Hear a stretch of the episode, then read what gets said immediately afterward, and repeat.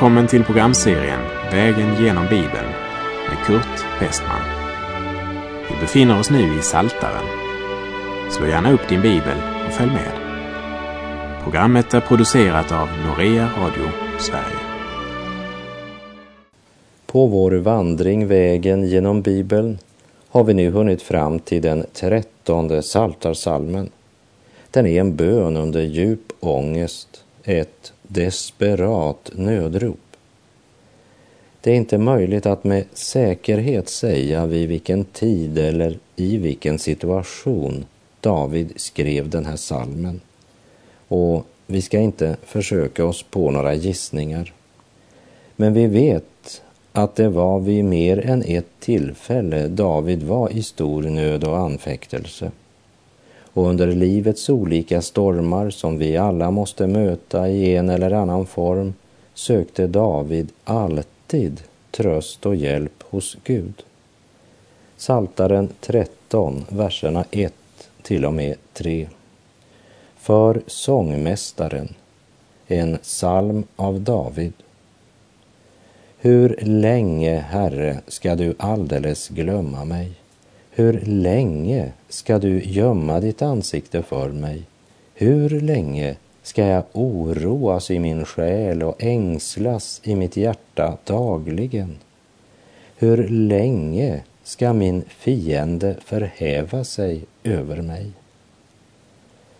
Den nöd han nu befinner sig i har tydligen varat en lång tid.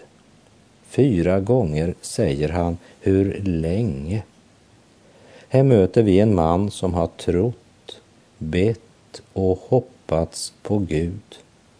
Men det ser inte ut som om han får något svar. Varken ja eller nej. Det är som om Gud har gömt sitt ansikte. Vilken tröst för dig och mig när vi upplever det så i våra liv. Att påminna oss att även David hade sådana stunder i sitt liv. Och vi vet av skriftens vittnesbörd att David var mannen efter Guds hjärta. Han var älskad av Gud och till Gud tog han sin tillflykt. Ja, till och med när det såg ut som om Gud hade glömt honom så fortsätter han att vända sig till Gud. Hur länge, Herre, ska du alldeles glömma mig. David visste att han hade fått löften av Gud när han smordes till kung. Och Gud kan ju inte glömma sina löften. Därför undrar David, hur länge ska du alldeles glömma mig? Hur länge ska du gömma ditt ansikte för mig? Kontakten med Gud var bruten. Det var som om Gud hade blivit borta. Mörkret omgav honom och det hade gjort att allting blev svart. Han kan inte förnimma Guds närhet. Gud har blivit borta för honom. Men vi lägger märke till att också då, när Gud blivit borta för honom, när Gud tycks ha gömt sitt ansikte, vad gör David då? Också då vänder han sig om och om igen till Gud. Hur länge ska du gömma ditt ansikte för mig? Och så kommer nästa fråga. Hur länge ska min fiende förhäva sig över mig? När fienden förhäver sig är det inte bara mot David han förhäver sig, men också mot Gud. Därför ber David om att Gud ska gripa in. O, vad tiden kan verka lång när nöden är stor mörkret totalt och fienden i triumf förhäver sig mot oss. Vad kan vi lära av David? Jo, att vad än vi tycks uppleva, hur än det känns, så ska vi vända vårt rop till Herren Gud. Hur länge ska vi göra det? Ja, så länge vi kan forma vår tanke till bön. Bergen må vika och höjderna falla. Evig Guds nåd och Guds trofasthet är. Aldrig förbunden av frid skall förfalla. Så säger Herren, din frälsare kär.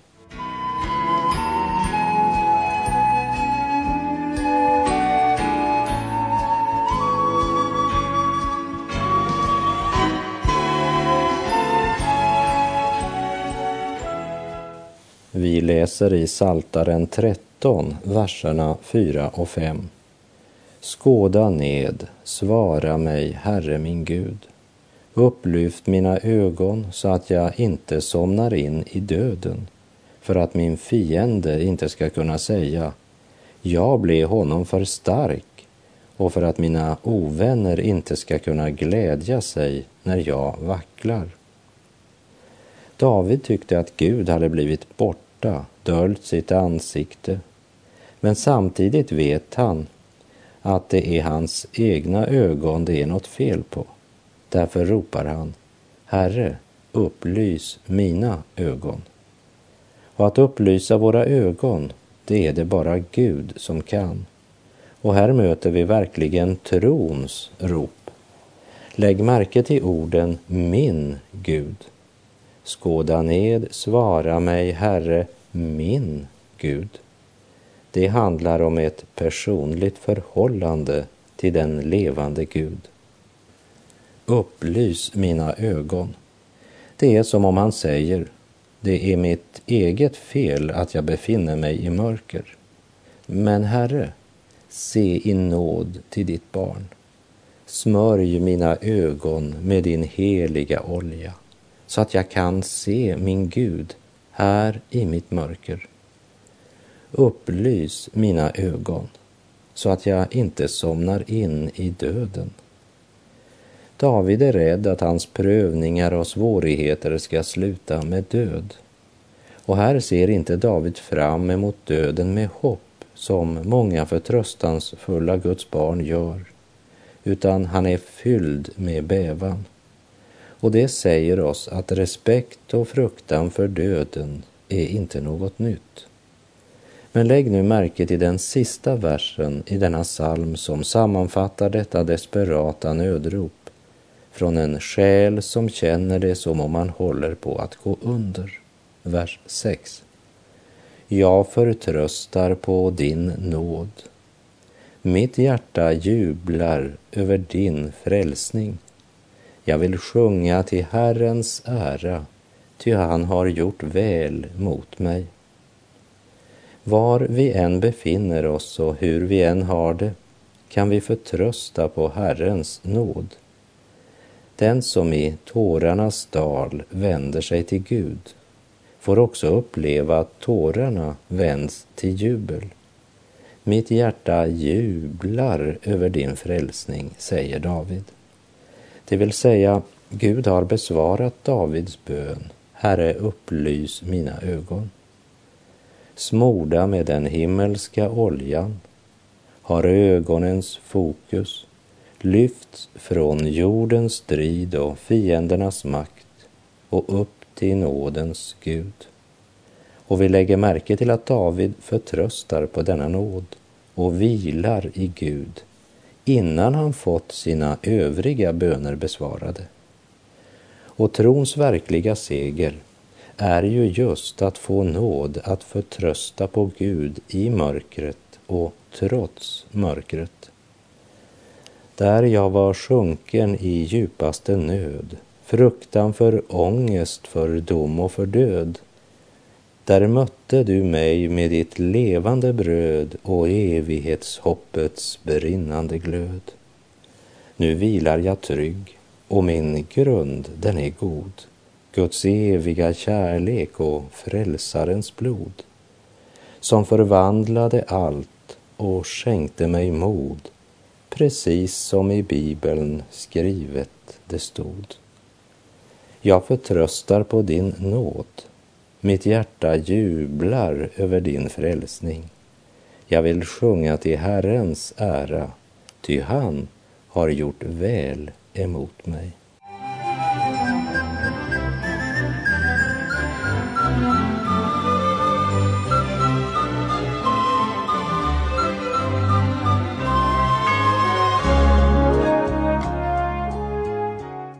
Och därmed har vi kommit till den fjortonde salmen i Saltaren. Den tolfte salmen var en klagan över den växande ondskan i vår värld. Och i den trettonde mötte vi gudsmannen David under djup ångest som sedan övergick till trons vila. I den fjortonde så talas det om det gudlösas dårskap. Vi kan säga det är en sång om praktisk ateism. Det handlar alltså om människans totala fördärv, vilket ju är en sanning som vår kötsliga natur starkt protesterar emot. Men det är inte desto mindre sant för det. Det är mer än en människa som säger jag är för klok för att kunna tro på en Gud. Men Gud säger att det är inte därför att människan är så klok som hon inte söker Gud, utan därför att hon är så dåraktig. Och det är syndafallet som har förmörkat människans förstånd. Och i Romarbrevet 1, vers 21 och 22 skriver Paulus Fast än de kände till Gud prisade de honom inte som Gud eller tackade honom, utan förblindade av sina falska föreställningar så att mörkret sänkte sig över deras oförståndiga hjärtan. De påstod sig att de var visa, men de blev dårar. Och i den fjortonde salmens första två verser läser vi För sångmästaren av David. Dårarna säger i sina hjärtan, det finns ingen Gud. Fördärv och styggelse är deras verk. Ingen finns som gör vad gott är. Herren skådar ner från himmelen på människors barn för att se om det finns någon förståndig, någon som söker Gud. Det hebreiska ordet för dåre är Nabal och efter programmets slut så kan du slå upp Första Samuelsbokens 25 kapitel. För som du kanske minns från vår vandring genom Samuelsboken så handlade kapitel 25 i Första Samuelsbok om en man som hette just Nabal. Han var gift med en mycket förståndig och tänkande kvinna, men själv tänkte han mycket kortsiktigt. Han var dåraktig i sitt övermod. Det gick ganska länge i människans historia innan dårarna började dyka upp. Synden, den visade sig nog så snart efter syndafallet. Men det dröjde en stund i historien innan man började förneka Guds existens. På grund av sitt högmod söker den ogudaktige inte Gud. I alla hans tankar finns inget rum för Gud, stod det i den tionde salmen. Och Augustinus sa, hur skulle människan kunna förstå Gud då hon inte ens förstår sin egen själ med vilken hon försöker fatta Gud? Men i sitt högmod inbillar människan sig att hon är sin egen herre. Och i en kultur där synden härskar så är det inte plats för den helige Gud i människans tankar.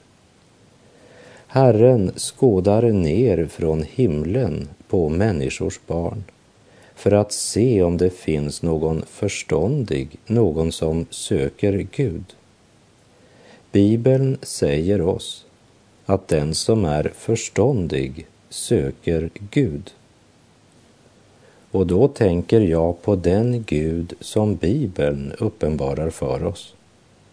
C.S. Lewis brukade säga att ateismen är för enkel. Och så la han till, en annan sak som också är för enkel är urvattnad kristendom. Kristendom och vatten som han kallade det. Han talade om dessa som hävdade att det finns en Gud i himlen men samtidigt blundar för vad Bibeln säger om synden helvetet, djävulen och återlösningen i Kristus. Den fjortonde salmen säger Herren skådar ner från himmelen på människors barn för att se om det finns någon förståndig, någon som söker Gud.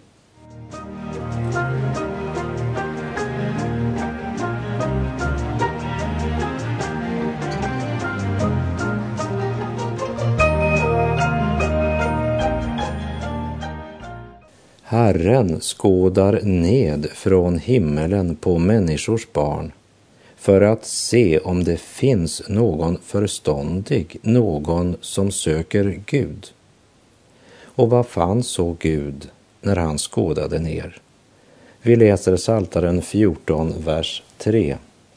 Nej, det har alla avfallit. Det är alla fördärvade. Det finns ingen som gör det goda, inte en enda. Paulus citerar den här versen i Romarbrevet 3.12. Alla har avvikit, alla har blivit fördärvade, ingen finns som gör det goda, inte en enda. Och här talar Paulus inte bara om ateister, men han talar om mänskligheten, om syndafallets oerhörda konsekvens. Han talar om människan, om dig och mig.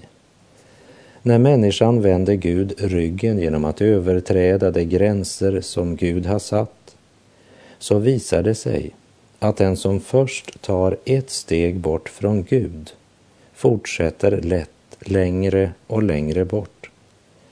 När en gräns blir bruten, var ska man då dra en ny gräns?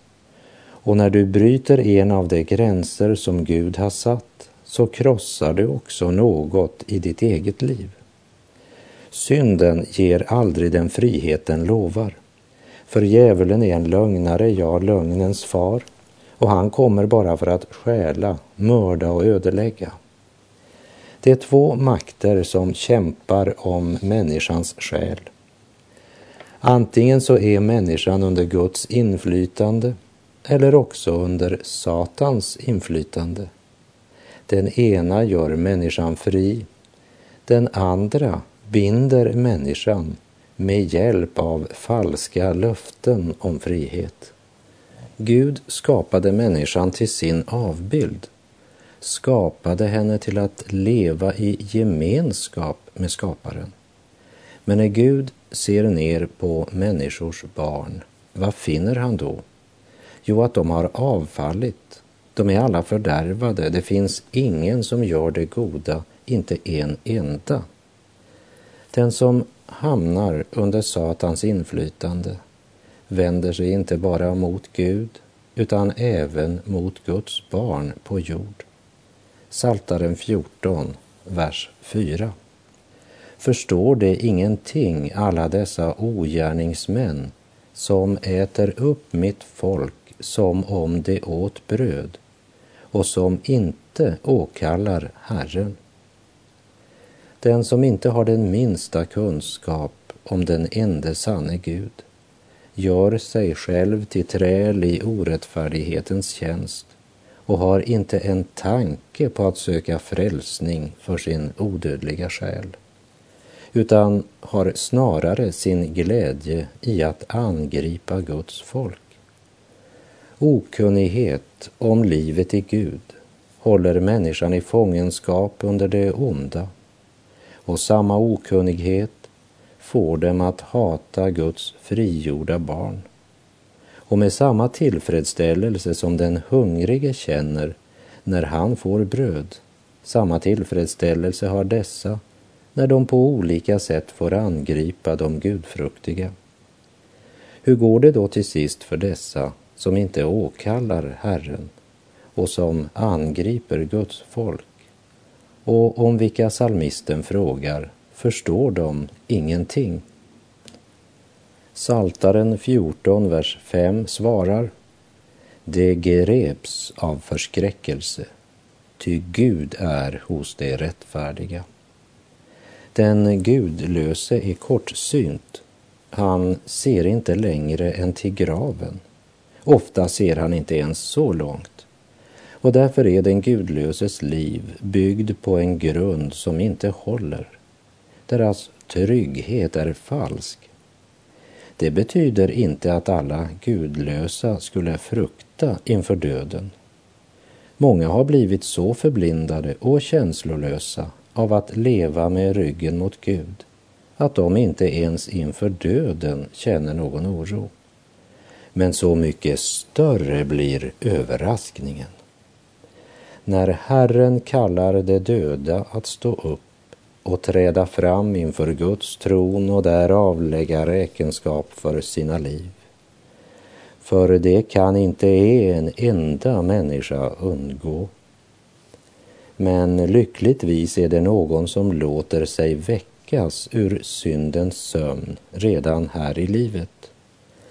När Guds ord genom anden blir levande för deras hjärtan, då väcks människan ur sin syndasömn så att samvetets mask börjar gnaga i deras inre och man inser att man är en förlorad syndare och man inser att graven är inte det sista utan bara en inkörsport till evigheten. Det var ju det som hände också med mig, tack och lov. Jag greps av förskräckelse innan det blev för sent. Och dessa Guds frigjorda som jag hade gjort narr av och hånat och föraktat. Plötsligt insåg jag, hos dem är Gud. Eller som Saltaren 14, vers 5 uttrycker det, det greps av förskräckelse, ty Gud är hos de rättfärdiga. Visst kan ett Guds barn på många sätt uppleva förtrycket av de gudlösa och märka deras förakt och deras hat, så som Jesus också säger i Johannes 15, vers 18 och 19. Om världen hatar er ska ni veta att den har hatat mig innan den hatat er. Om ni vore av världen skulle världen älska er som sina egna. Men ni är inte av världen, utan jag har utvalt er och tagit er ut ur världen. Därför hatar världen er. En Jesu lärjunge som inte kompromissar med vad Gud säger i sitt ord kommer snart att märka världens fiendskap och märka att världens barn på olika sätt försöker göra den troendes planer om intet. Och ofta ser de ut att lyckas, i alla fall till det yttre. Men då glömmer man att Herren är den troendes tillflykt. Eller som det var uttryckt i den gamla översättningen av Saltaren 14.6. Den betrycktes rådslag må ni söka bringa på skam Herren är ju ändå hans tillflykt. Vi fortsätter och läser Saltaren 14, vers 7. Ack att det från Sion kom frälsning för Israel. När Herren upprättar sitt folk på nytt, då ska Jakob jubla och då ska Israel vara glad. Var och en som säger att Gud inte har en tanke och en plan med Israel i framtiden. Han har därmed erkänt att han inte vet särskilt mycket om Saltarsalmerna. Och om än han noggrant undgått vad som så tydligt är sagt på andra ställen i Guds ord, så måste det vara svårt att undgå att höra salmistens hjärterop och glädje över den framtid som väntar när Gud upprättar sitt rike på jorden med Israel i centrum. När Herren upprättar sitt folk på nytt, då skall Jakob jubla, då skall Israel vara glad. Messias ankomst har varit föremål för det gudfruktigas förväntan till alla tider. Och även om han redan kommit för att genom sin korsdöd försona all världens synd, så ska han än en gång uppenbara sig och då i makt, med myndighet och kraft, när han kommer för att upprätta sitt rike till sitt folks frälsning. Och Kristi ärofulla återkomst ska återställa hans gamla egendomsfolk från dess bokstavliga träldom och samtidigt befria hans andliga Israel från dess andliga betryck. Sion är den plats varifrån livgivande vatten ska strömma åt öster, väster, norr och söder till alla stammar, alla språk och folk. När Jesus samtalade med kvinnan vid Sykars brunn sa han i Johannes 4.22 Ni tillber vad ni inte känner. Vi tillber vad vi känner eftersom frälsningen kommer från judarna. Tänk efter lite grann vad de orden har att säga dig idag. Jesu egna ord. Frälsningen kommer från judarna. Och med det så är vår tid ute och jag säger tack för den här gången och avslutar med att än en gång läsa den sista versen i den fjortonde saltarsalmen. Ack att det från Sion kom frälsning för Israel. När Herren upprättar sitt folk på nytt, då ska Jakob jubla då skall Israel vara glad. Herren vare med dig. Må Herren välsigna dig från Sion. Gud är god.